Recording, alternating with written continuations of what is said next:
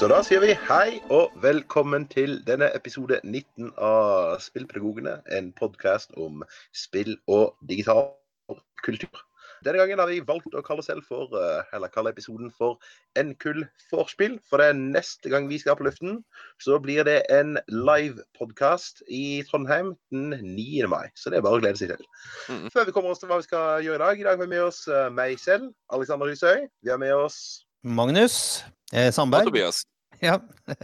Og Tobias. Yes. Så det er vi tre som uh, trakterer uh, podkasten i dag. Og nå, uh, for min del, jeg sitter nå oppe på eh, en hit hytte på Hovden med relativt begrenset internettilgang, så vi krysser fingrene for at uh, vi klarer oss å gjennomføre hele innspillingen her uten altfor mye teknisk krøll.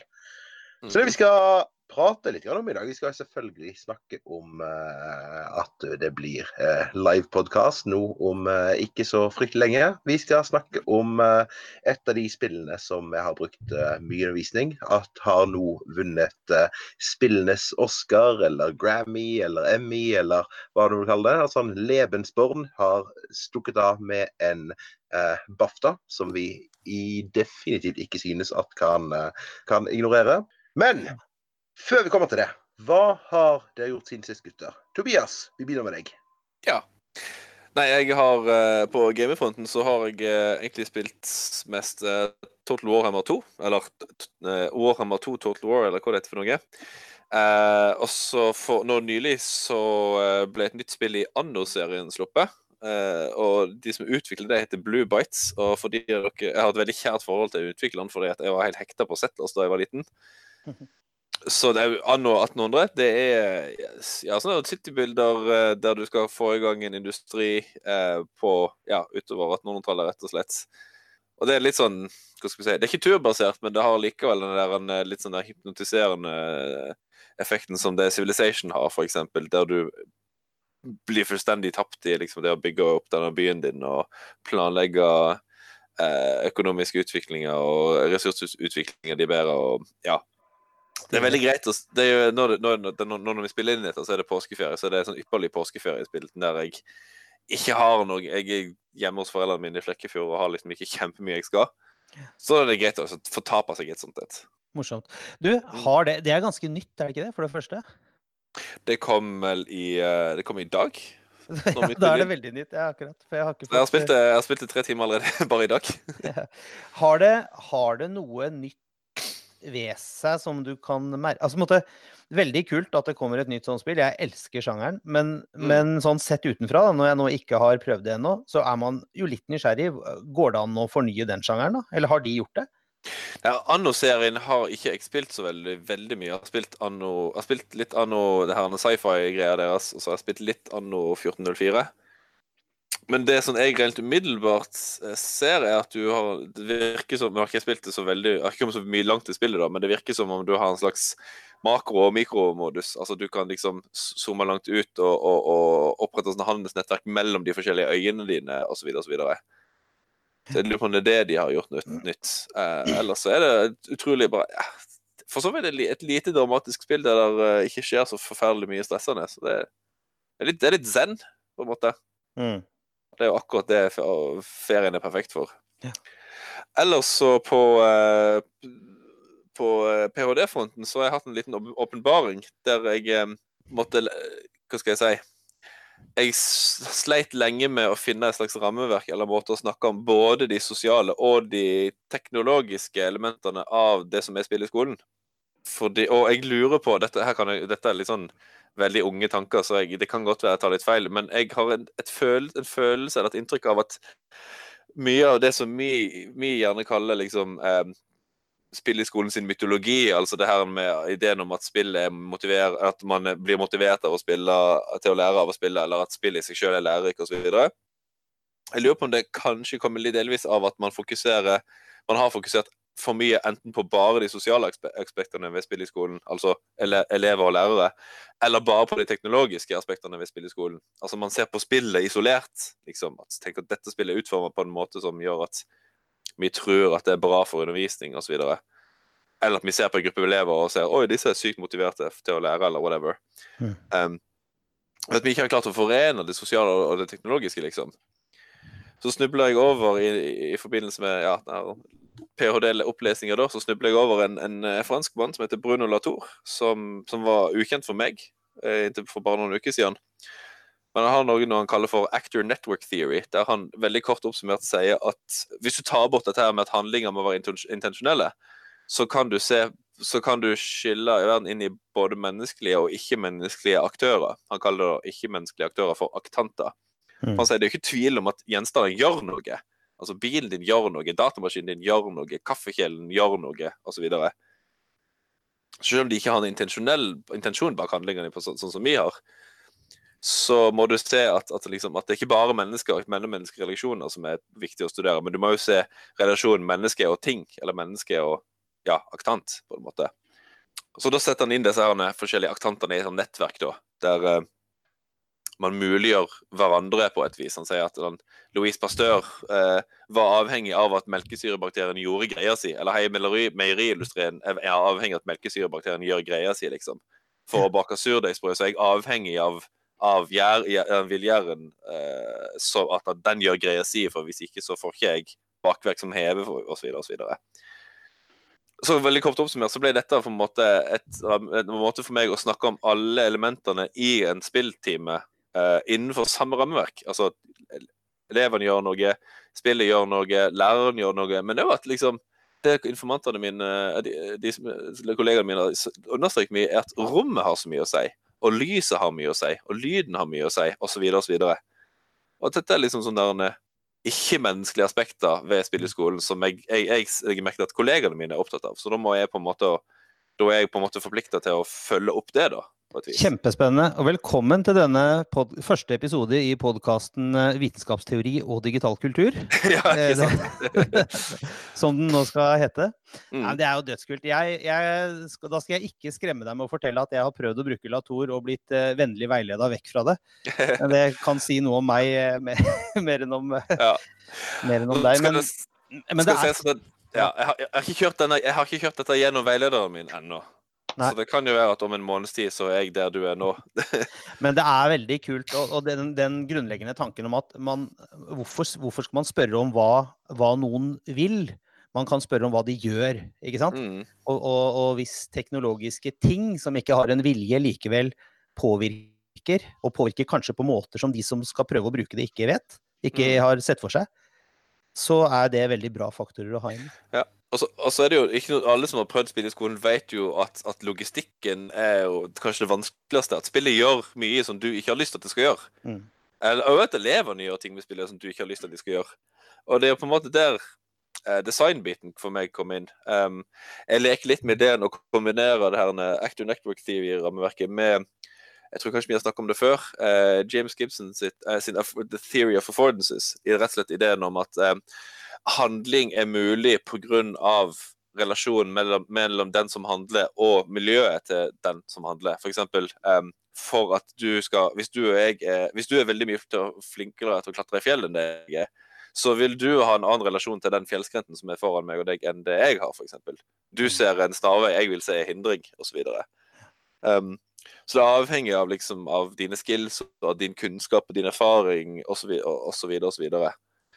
Og ved å liksom understreke dette relasjonelle poenget mellom Altså at relasjonen mellom deg og miljøet ditt, eller mellom deg og det objektet du har foran deg, um, avhengig av det forholdet der, så vil det ulike ting være mulig, rett og slett. Altså En lærer som har masse gamingerfaring, vil kunne gjøre andre ting med spillet, eller vil kunne gjøre muliggjøre andre effekter med spillet enn det som ikke har peiling, f.eks. Mm. Ja, så, så, kan jeg da bruke dette til å rettferdiggjøre at Civilization 4 fremdeles er et fantastisk godt læringsspill, på tross av at jeg hadde en katastrofeopplevelse med det siste gang jeg brukte det. Ja, for det kan ha med eh, deg å gjøre? Ja, ja nei, sånn, men det kan ha med meg å gjøre. Det er sånn at uh, Jeg er jo ufeilbarlig. Men, uh, uh, nei, men altså, altså, Det som jeg opplevde som var forskjellen på første gangen og andre gangen jeg kjørte det opplegget, det var mm. at spesifikke spill-litteracyen til Civilization 4 var veldig ulik i gruppe 1 og gruppe to. At sånn, det var mm. et lavere antall elever i den gruppen jeg kjørte med andre gangen, som hadde tilstrekkelig med bakkunnskaper eller forkunnskaper til å kunne veilede sine medelever i spillmekanikk for at de skulle få det utbyttet Ja, som man kan- kan ha ut av spillet. Vi kan, vi kan bruke det eksempelet der eh, bare veldig kjapt for å på en måte prøve å bedre demonstrere hva jeg prøver, prøv, hva jeg prøver liksom å, å, å få frem med dette her. La, la ikke si at du hadde på et ark tegnet opp alle de forskjellige aktørene og aktantene som er involvert i din Civilization-team, Alexander. Altså, du, mm -hmm. la, la du er et punkt på arket, elevene dine er et punkt, eller kanskje de er hvert sitt punkt, jeg vet ikke. Spillet er et punkt, klasserommet er et punkt, fagstoffet er et punkt, fagbegrep osv. Og, og så, når du har disse punktene på arket, så tegner du opp i verste, egentlig i verste fall alle mulige slags ulike kombinasjoner mellom alle de forskjellige akt aktørene som er involvert her. Både, Ja. de, du, både de relasjoner du vil understreke til dine timer, og de relasjoner du vil prøve å vie mindre oppmerksomhet til. For eksempel um, så vil noen elever alltid altså Det er jo en fare med spilleskolen så at noen elever går inn i såkalt gamer mode. Altså de ser på Mhm. spillet som noe skal vinne. Det er jo på en måte en relasjon som du vil ha vekk. For man skal ikke spille spillet for å vinne her. Man skal prøve å lære, man skal prøve å koble det til noe fagstoff. Så du ser for deg at du har et utrolig komplisert nettverk av ulike aktører og aktanter. Eller relasjoner er viktigere. Relasjoner mellom ulike aktører og aktanter. Og ditt pedagogiske design vil, vil da være å slags på en måte utkry- la, la utkrystallisere eller forme et, et utsnitt av, eller bare et utvalg av disse mulige relasjonene. At det er det som er ditt didaktiske design, fordi at du vil at alle disse agentene skal ha det spesifikke forholdet til hverandre. Og det avhenger av veldig mange forskjellige ting. Blant annet det at elevene har såkalt operasjonell literacy. At de faktisk klarer å spille spillet, f.eks. For Fordi at en, en, en elev som ikke har operasjonell literacy, har hatt en annen relasjon til spillet enn en som har masse eh, operasjonell literacy. Var det forståelig for eh, å si, de som ikke er i mitt hode? Det jeg mistenker, er at vi må ta dette her ned på et litt mer sånn uh, plebeiernivå, sånn at iallfall jeg kan følge litt bedre nå. eh, nå etterpå. Sånn at, ja, sånn, eh, jeg skjønner når jeg sitter, sammen med det, sammen, eh, sitter og prater sammen med dere to. eh, eh, det er en episode av The Big Bang Theory hvor eh, disse gutta i disse gutta gutta, gutta i The Big Bang altså, jeg, tror, jeg, tror, jeg tror de møter universitetsledelse eller et eller annet sånt. Hvor, hvor da denne her um, dekanus eller rektor uh, sier veldig tydelig ja, er sånn Dr. Hofstetter, Dr. Guther Pally, Mr. Wallowitz. Og jeg føler meg litt som Mr. Wallowitz noen ganger når jeg sitter og prater med dere to. Det, Ja, og det, jeg mistenker hvis, at det kanskje en og annen lytter også gjør det litt grann for det. Hvis, hvis, det, hvis det er en trøst for både eh, Alexander og den eventuelle forvirra lytteren, så, så, så blir jeg òg litt forvirra av mine egne tanker av og til. yes. Nei, men la, la oss gå litt nok om eh, det. La, ja, nok om det. La oss, la oss gå litt videre. Magnus, uh, uh, kan du ta, altså, ta dette gradvis litt nedover, så skal jeg gå helt ned på plebeiernivået til slutt, tenker jeg. Ok. Vet du hva, jeg må begynne ganske høyt, jeg òg. Altså for når du spør meg hva jeg har gjort siden sist, så er det for det første veldig lenge siden sist. Og grunnen til det er jo at jeg har blitt pappa for andre gang. Eh, Så fått en liten datter. Og det gjorde at det var et par podkastrunder som, eh, som svant forbi uten at jeg brydde meg så veldig mye om det. Så det var veldig hyggelig. Og en annen ting som har eh, skjedd eh, veldig nylig altså når, vi spiller inn denne podkasten, så er det altså eh, omtrent et døgn, eller litt over et døgn, siden eh, det brant i Notre-Dame. Og det Mm. tenkte jeg å si to ord om, for at det, sånn spillmessig så er jo eh, min sånn assosiasjon da Jeg ble jo litt, eh, litt eh, sånn eh, berørt av det, eh, sånn som alle sikkert, eller mange ble. Og min sånn spillassosiasjon, eller tanke, var at nå hadde jeg lyst til å spille Assassin's Creed Unity. Som er et eh, Altså, alle Assassin's Creed-spill, det er jo hvert en veldig lang, stor spillserie. Og de har jo det til felles at arkitektur spiller på en måte hovedrollen. Eh, Det er nydelig eh, lagd eh, modeller av, av ekte arkitektur, byer og, og bygninger. Og i det som het Unity, så foregikk det da i Frankrike under revolusjonen. Eller var det rett før eller rett etter, det husker jeg faktisk ikke helt. Men, men det var i hvert fall et, et Paris i, i opprør, og, og det var eh, et Spillet starta på, på den øya på, eh, i Seinen, Og det første du gjør, er å gå inn i den kirka.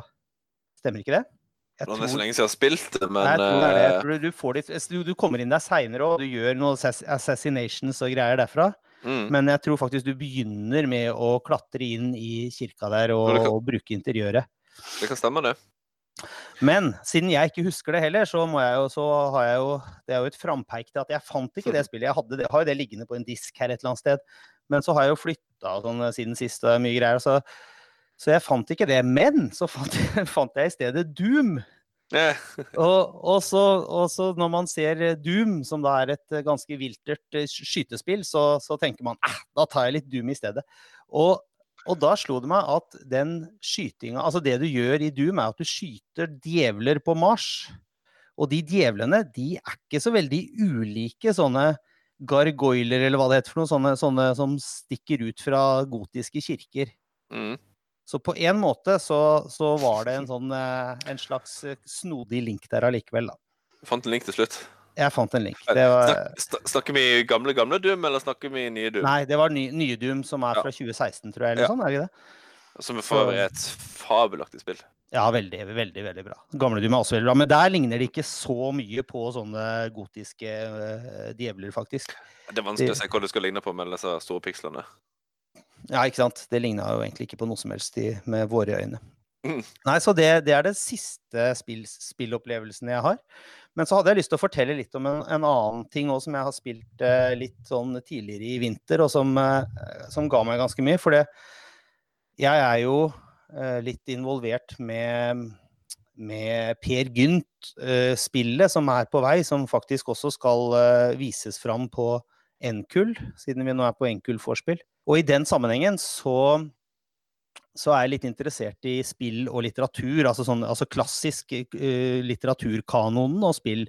Og da har jeg spilt et uh, morsomt spill nå i, i, um, i, vinter som heter 80 Days, og som er en mobilspillversjon uh, av Jorda rundt på 80 dager av Jules Verne. Og det er jo en ganske morsom historie i seg selv. Jeg, jeg syns, det er ganske gøy med, med sånn gammel science fiction. Mm. Eh, dette, den er fra 1870-tallet, tror jeg, og, og eh, hvordan handler jo da om, om litt sånn science Egentlig handler den mest om samtiden da, da. Om at mm. da var det faktisk mulig å reise jorda rundt på 80 dager. Eller var det egentlig det? Og så er det mm. en som skal bevise det, da. Phileas Fogg skal reise jorda rundt, og så er det en ganske ellevill og morsom reise jorda rundt. Og så tenkte jeg, og den boka den har jeg jo alltid hørt om, og jeg har til og med hørt hva som er det plottet, liksom det eh, slutt, sluttpoenget, eh, som jeg ikke skal si her og spoile, for det er fiff, en liten fiffig ting som, eh, som skjer på slutten. Eh, men jeg hadde da ikke egentlig hørt om hele reisen. Jeg hadde ikke lest boka, så jeg kjente liksom ikke reisen. Og den også er, har masse morsomt eh, ved seg. Mm. Og så hadde jeg en idé om at nå skal jeg spille det spillet og lese parallelt. Hmm. For du hadde aldri lest uh... Nei, jeg hadde, nei. Jeg har aldri lest den før. Jeg har nei. bare hørt, hørt, hørt, om den. ikke sant? Sånn som man har hørt om en del klassisk litteratur. da. Mm. Men det er jo ikke en tjukk bok. Det er jo en, egentlig en ganske sånn page-turner og veldig lettlest og kjapp. Mm. Så det var litt tilfeldig at jeg ikke hadde gjort det. Men tenkte jeg nå skal jeg gjøre det. Og det var en morsom erfaring å prøve å spille og lese samtidig. Og liksom legge vekk boka når jeg hadde kommet et stykke, og så spille meg inn, og så spille litt videre, og så lese, lese meg inn. Ikke sant? Og det viste seg jo å funke egentlig bare litt sånn halvveis, fordi eh, spillet ønsker jo å gjøre noe mer. Og det er jo noe av det morsomme med sånne spill, da, at de, de ønsker jo å, å, gjøre ting på en litt annen måte. Eh, ofte. Og, og, 80 eh, Days hadde veldig mange veier rundt jorda. Man trengte slett ikke å følge ruta til Phileas Fogg hele veien. Mm. Så, så, men, men, det var en litt sånn morsom erfaring eh, å, å, gjøre det. Det som kanskje gjorde at det ikke var liksom en, en, ting som var litt sånn, talte litt mot det sånn sett i ettertid, var at spillet også inneholder veldig mye tekst. Det er litt sånn choose your adventure-type spill. Mm. Uh, så, så, jeg vet ikke helt om jeg eh, jeg er faktisk ikke helt sikker om jeg vil anbefale å gjøre det den veien. Kanskje man heller bør lese først og så spille. Men, eh, men i hvert fall, det, det, det, ble med to Jeg tok to runder. da, Jeg måtte spille, prøve en gang til da jeg hadde greid det, men ikke, ikke helt ned på 80 dager, liksom. Mm. Så, ja, så det var en fin, fin erfaring. Det er interessant eksperiment, da. Og, og, og liksom se, Men var det mye igjen av måte, kildetekster, så å si? Hva, hva spillet tror opp mot originalen, eller? Ja, altså første gangen så, så, fulgte jeg litt den samme ruta som de fulgte. Men etter hvert så ble det litt kjedelig, og så måtte jeg gjøre noen varianter. Men mm. i den, i den eh, reiser, hvis man fulgte den reiseruta fra boka, så var den ikke så veldig ulik. Men var, de har et element av at i, i spillet så har de, har de, også gått for litt sånn steampunk, da. Som mm. er eh, sånn en eh, en type science fiction hvor, de, hvor man har dampmaskiner, og, eller hvor det er litt sånn gammel teknologi lagt i en en ellers science fiction-sammenheng. Så det var litt sånne mm. store jernfugler man fløy i, og veldig mye av turen gikk med ballong. Ballongferder. Mm. Og, eh, og under, undervannstog og en del sånne ting eh, som var skrevet inn i fortellingen, da, for, å, for å få en vari, variasjon på det. Var det, var det litt, ofte litt over grensa til fanfiction, antar jeg? Eller? Ja, kan, man kunne kanskje kalt det fanfiction, men det var, det var, for planlagt til å være en sånn eh, bare, bare, fanfiction i betydningen at noen hadde skrevet noe Altså måte, det var, det var ganske gjennomført, da. Ja, kult. Og man blir veldig nysgjerrig, som sagt. Jeg kom tilbake til London eh, etter å ha vært jorda rundt, men jeg brukte vel noen og 90 dager, tror jeg. Og, så, mm. og da fikk jeg lyst til å prøve en gang til, og da tok jeg en helt annen rute, og da fikk jeg en helt annen historie. Mm. Yeah. Så, sånn at man eh, lurer på Da, da kan jeg jo en, litt, en, liten spoiler der, kanskje, men da døde jeg etter 30 dager. Så frøs jeg i hjel på Nordpolen. Så da i, gjorde jeg noen feil valg, da. ja.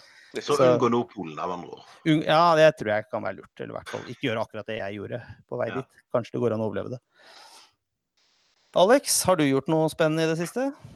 Ja, altså, Jeg var jo heller ikke med på forrige, på forrige podkast. Noe av det som er fordelen med ikke være med på, være med på innspilling av podkast, er at jeg kan høre podkast i uh, ettertid uten, ja, uten å være utsatt for, uh, for, å høre min egen stemme. Noe som uh, Ja, noe, noe, noe, som gjør det hele mer behagelig. Og i forrige runde, da, så Ragnhild hun snakket om et spill som jeg bare er blitt kjempebegeistret for. Det heter We Become What We Behold og som bare virker som en altså, kjempemessig spill. Som et sånt Igjen eh, til denne her starterpakken av hva slags spill er det vi kan utsette nye lærere som skal ja, mm. dyppe tærne i spillprovene. Hva slags spill er det du kan sette de ut, de ut for.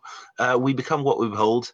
Det tar Altså, altså, altså, nå står det på introskjermen til dette spillet, spillet, at det tar fem minutter å spille. Uh, jeg tok tiden, uh, og jeg brukte syv minutter. Sånn at det, det tar litt over fem minutter, men det søren meg ikke mye over fem minutter. Og i løpet av de fem minuttene så byr det der spillet på ja, altså, altså jeg, jeg, skal, jeg, skal, ikke si så veldig mye, så veldig mye om det spillet utover tematikken. Sånn, spillet det handler, det handler, om mediemakt, og det handler om hvordan mediene kan enten forsterke eller forminske fordommer i et samfunn. Hm. Og det gjør det på en utrolig fiffig og enkel måte. Sånn at altså, altså, Jeg har ikke spilt så veldig mye sist, men et spill som har vært en veldig kort spillopplevelse, men som har likevel gjort et veldig stort inntrykk, det er We Become What We Behold. Så Ragnhild, når du hører dette her, snart uten fortegnelsen av å høre din egen stemme, så tusen takk for det tipset. Det er helt strålende. Ja, så, så, et, av de, et, av de, kule tingene ved dette ja, kollektivet, eller hva vi skal kalle det, er nettopp at man, man, man gir hverandre gode tips og inspirasjon på den måten der. Mm. Ja. Mm. Mm. Eh, og utover å spille, så er vi nå eh, kommet der at eh, vi kan komme med en liten annonsering av noe som kommer til å komme. Jeg er nemlig i gang med å skrive bok. Og den skriver jeg sammen med Tobias og en kar som heter Jørund Skaug, som jobber for Udir Beta i det vanlige. Det er en bok som per nå har arbeidstittelen Spillpedagogikk som da skal være en, uh, være en innføringsbok i hva innebærer det egentlig å undervise med og om spill. Dette her med spill literacy er jo noe vi mener at bør være noe som uh, i alle fall får noe større plass i lærerutdanningen. Og utover hva som foregår i lærerutdanningen, så er jo det er ingen hemmelighet at vi i denne podkasten her mener at alle lærere bør sitte inne med en grunnkompetanse om én hva spill er, og to hvordan spill kan brukes i undervisningen. Og så denne boken, da, er, målet er at den skal brukes som et, som et verktøy til å bygge den eh, gjennomgående spillkompetansen i, eh, rundt om på skoler i, eh, i hele Norges land. Mm. Så det Altså, nå, nå, nå er vi kommet, kommet, et godt stykke på vei. Det, planen er utgivelse ca. mars 2020. Eh, ja, sitter og, sitter og deler Altså, ja, dette er det noe vi nå Dette er det noe, noe, det er noe, noe, noe vi sitter og, sitter, sitter og, jobber ganske mye med. Og vi håper og, vi håper og tror og føler at dette her er noe som skal bli et ganske bra produkt da, til slutt. Ja. Mm. Kjempespennende. Hva, hva, kan du si litt mer om hvem Er det, er det mynta på lærere, eller er det mer sånn lærerutdanning, eller er det Hvem for Hvem snakker dere til? Det blir, forhåpentligvis blir det jo både altså, lærere, men òg studenter, kanskje til og med lærerutdanning. Um, men i første omgang lærere, ja. Nå har vi jo eh, vi har med oss Odin, som skriver om det han har Eh, mye mer erfaring om enn det vi har. altså Fra skolelederperspektivet. Det med, handler masse om det her med logistikken, ikke sant. Og GDPR, altså litt mer tekniske og, og, litt mer på en måte usynlige, men likevel vel så viktige biten av det som vi kanskje ikke snakker nok om. Så det skal være sånn, ja, så mangefasettert og, og, og innholdsrik som mulig, selv om det ikke blir, selv, selv om det ikke får altfor alt for mange sider å boltråkke på. Så det blir ikke en sånn murstein. Det blir ei eh, tilgjengelig bok, håper vi vel. Ja, men eh, Ja. Og altså, vi håper at dette skal bli eh, eh, basisverket for det store, voksne feltet som spillpedagogikk eh, forhåpentligvis mm. eh, kommer til å bli. Ja, og, og, så, og, så er det, selv om jeg på en måte tar meg av i boka den, den mer vitenskapelige biten, altså teoretiske biten av det, så er det ikke bok som er bygd opp fra teori og opp, men den er jo egentlig fra Eller fra teori og ned, blir det kanskje. Mm. Den er jo først og fremst en måte å, å, videreføre de erfaringene som vi faktisk har. fordi at spillpedagogikkfeltet er jo et felt som bygges fra, ja, fra grasrota opp i veldig stor grad. Ja, det er det. Og det er en ganske kul ting med det. Det tenker jeg av og mm. til på når vi snakker sånn ph.d.-nerdeting, eh, Tobias også. At vi kommer fra praksisfeltet, og så ja. har vi interessert oss for et tema, og så er vi liksom i gang med, med mm. teoribygging på det. Ja. Eh, og, og, det tenker jeg er en veldig kul vei inn i å, å fortelle om noe. Så det, det, Målet mitt i hvert fall, målet med boka er å ikke gi mer teori enn nødvendig, men akkurat nok til at du får liksom noen altså Teori er jo i mange tilfeller først og fremst et verktøy å tenke med. Altså en måte å liksom få mm. bedre forstå hva du driver med. Mm. For at du skal på en måte Ikke kortslutte intuisjonen din nødvendigvis, men eh, ta et annet perspektiv, rett og slett. Ja, men Det blir spennende. Det, det, blir, vel, eh, det blir vel det første verket òg, tror jeg, som er hel, heilnorsk på det feltet her. Første, jeg tror det, ja. Mm. Uh, og så, så er jeg helt enig med Det er viktig poeng det du sier, Magnus, at, at det, vi er så heldige at vi faktisk har gjort det Altså har ganske gjort en del erfaringer før vi begynner å skrive om det. Mm. Mm. Og så er det noen viktige erfaringer å liksom spre videre, sånn at ikke alle andre snubler i de samme røttene som vi har snubla i. Ja. det, det, det, er mange flere røtter man kan snuble i òg, da. Så det, det, er nok til mm. alle på det området, tror jeg. ja, sånn, og uh, noe som er et uh, ja, uh, omtrent et altså, gjennomgående tema i podkasten, det er jo at Eh, det er, ikke et, det er ikke nødvendigvis et mål at alle lærere skal bli expert gamers. sant? Vi, er, vi blir mer og mer overbevist om at alle lærere må sitte inne med en grunnkompetanse om spill. Og uh, denne boka her skal da være en av de måtene også bygge den norske lærerstanden opp til, til det minimumsnivået som, som trenges. da. Mm. Og bare for å fullføre det, akkurat det resonnementet der Det er jo fordi for Kanskje òg en stor grunn til det, og det vet ikke, det har vi sikkert sagt flere ganger før, men det er jo litt fordi at spill blir utsatt for flere Hva skal vi kalle det? Mentale, modell, mentale forestillinger som ikke nødvendigvis stemmer overens med virkeligheten. Eh, som gjør at, at, det er viktig at lærere forstår ja, mm. hvor eh, tingenes tilstand, holdt jeg på å si. Litt, er litt mer realitetsorientert om det her enn det andre folk er.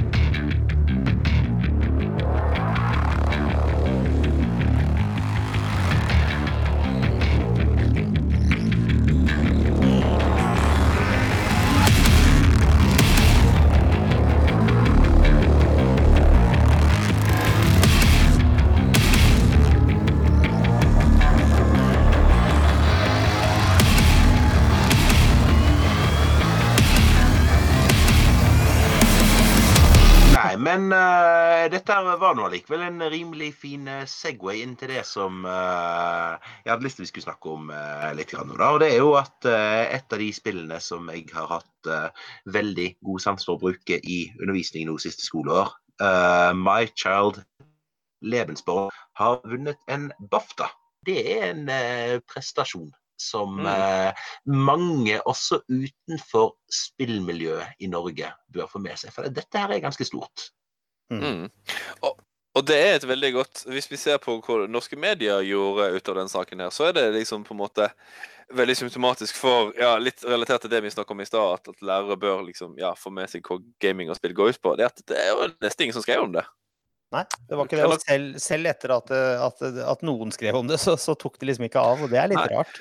Eh, Martin Bergesen, shout-out til han, by the way, har skrevet et veldig fint innlegg om hvor besynderlig det er at dette her forbigikk i stillhet mm. i aller største grad. For jeg tror han skrev noe sånt som hadde, hadde det vært en norsk eh, film eller norsk musiker eller et eller annet som var blitt foreslått som nominert til, til Eller bare blitt nominert ikke, i det hele tatt, så hadde jo gått, eh, vært, folk vært ekstatiske.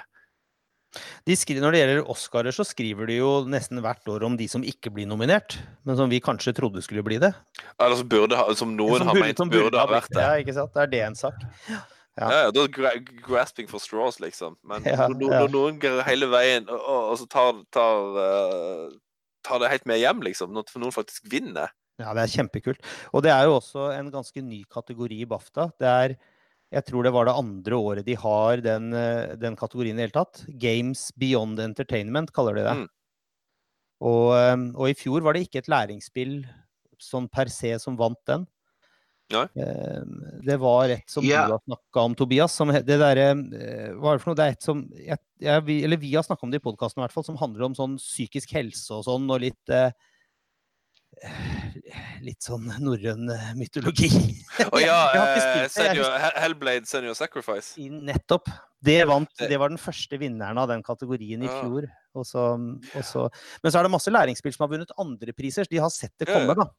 Eh, sånn at, eh, at, i åra opp, opp, mot nå, liksom, så, så at My Child Lebensborn er så offensivt og framme, dette Hamar-miljøet det er jo de samme som lager eh, Per Gynt-spillet, da, som jeg driver og forsker på.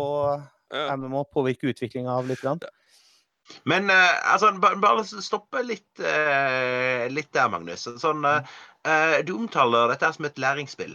Jeg, jeg, vet ikke om jeg liker Jeg liker å kalle dette her for et læringsspill.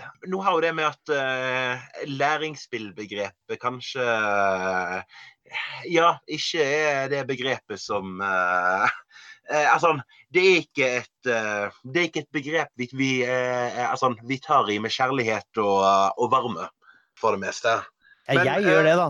Igjen. Men, jeg, jeg har ikke alltid gjort det, men jeg, jeg, jeg, har kommet tilbake litt til at jeg syns det må være en fin ting å gjøre. Men, men jeg skjønner hva du mener. Jeg, det, er, det, er, nok kanskje feil å kalle det for det, for det er jo ikke lagd for det markedet, egentlig. Det er, de lager vel noen sånn læringsmodul eller, eller, opplegg rundt det, men, men, det er ikke dermed sagt at det egentlig er lagd for det. Det er mer et sånt et spill som faktisk har en seriøs og ordentlig historie i bakgrunnen.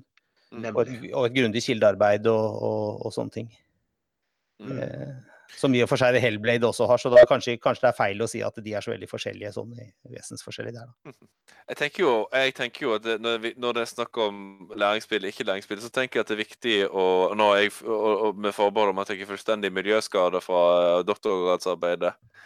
Men jeg tenker at det er viktig Spill som legger til rette for ulike typer relasjoner mellom spill og spiller. Jeg tror det er de de spillene som er interessante i denne sammenhengen her. Mm. Gode, gode, educational games er jo de på en måte som anerkjenne andre koblinger enn bare spillspiller. F.eks. Eh, gjøre andre typer data tilgjengelig for læreren som kanskje skal lage et opplegg rundt det, eller som mm. peker videre til andre tekster, eller ja, hva det måtte være, liksom. Tenk at spillet ikke bare er som ei, sånn tettpakka læringsboost, eller sånn à la eh, Trinity Matrix som skal lære seg å fly helikopter, men at det er noe mer enn bare det. Ja. Og dette spillet, ja. dette spillet har jo også overraskende nok for de fleste av oss kanskje vist seg å være et litt politisk spill. Mm. For plutselig så ville ikke Google ha det på plattformen sin lenger, fordi det hadde fått noen protester eh, på det. Og i flere land så ble det ikke tilbudt, bl.a. Russland. Mm. Ja, sånn at nå eh, Fram til nå for bare et par dager siden så var altså, så, eh, altså, Ved lansering eh, så var Michael Lebensborn, så vidt jeg husker, tilgjengelig i bortimot alle markeder. Men eh, så for en drøy måned siden så forsvant det fra Google sin plattform både i Russland og Italia og i Frankrike, og så tror jeg det var et par, var et par land til.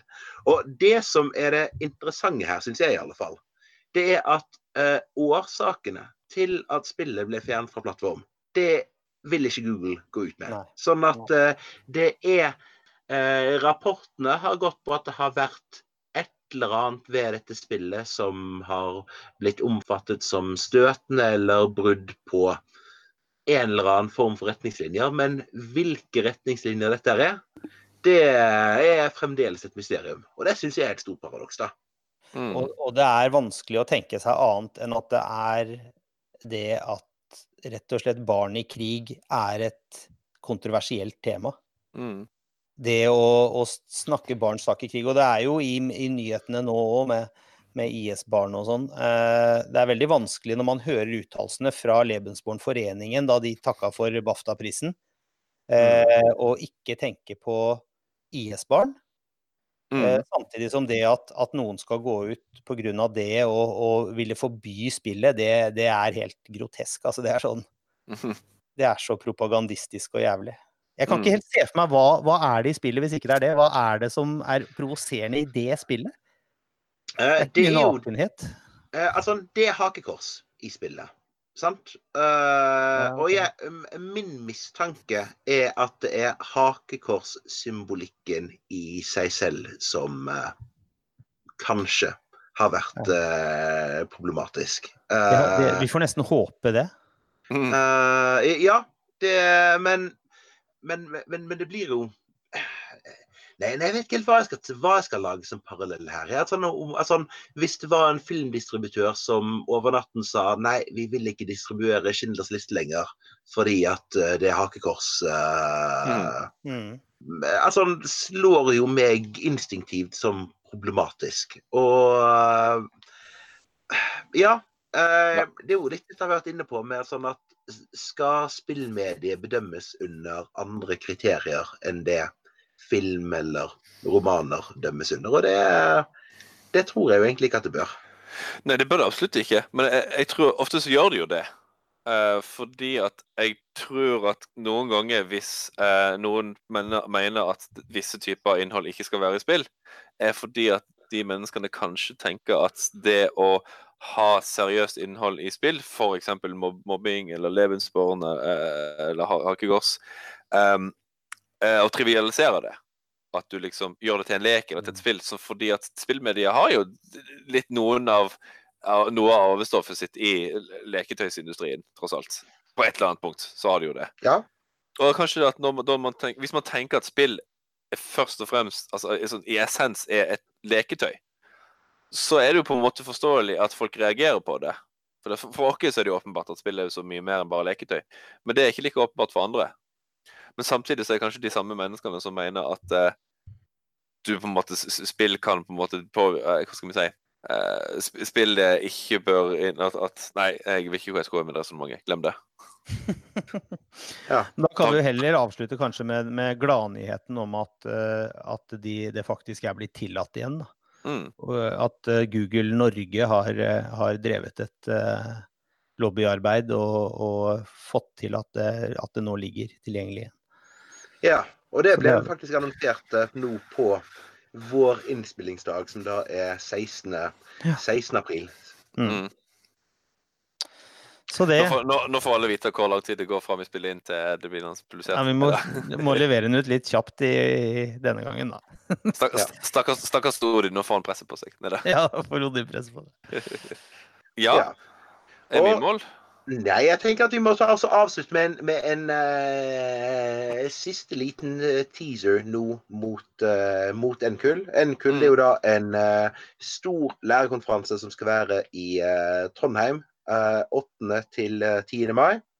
9. Mm. mai så kommer uh, spillpedagogene til å stille manns- og kvinnesterke opp.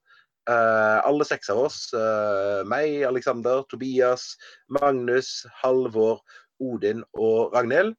Uh, og dette blir faktisk første gangen alle seks av oss har vært på samme sted fysisk. Så det, det syns jo jeg er litt kult. det blir litt av en fest. På, i alle fall. Det blir en fest for oss, ja.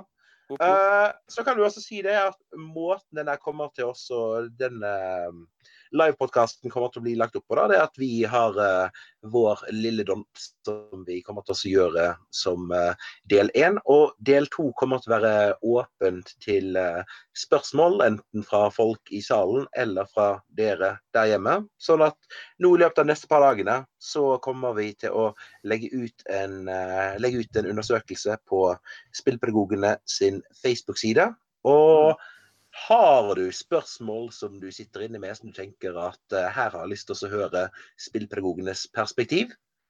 Gi oss gjerne lyd, så uh, kan det godt hende at vi tar opp uh, spørsmålet ditt live på sending direkte fra Trondheim. Mm. dere må jo gjerne skrive til dere på Twitter eller andre ting.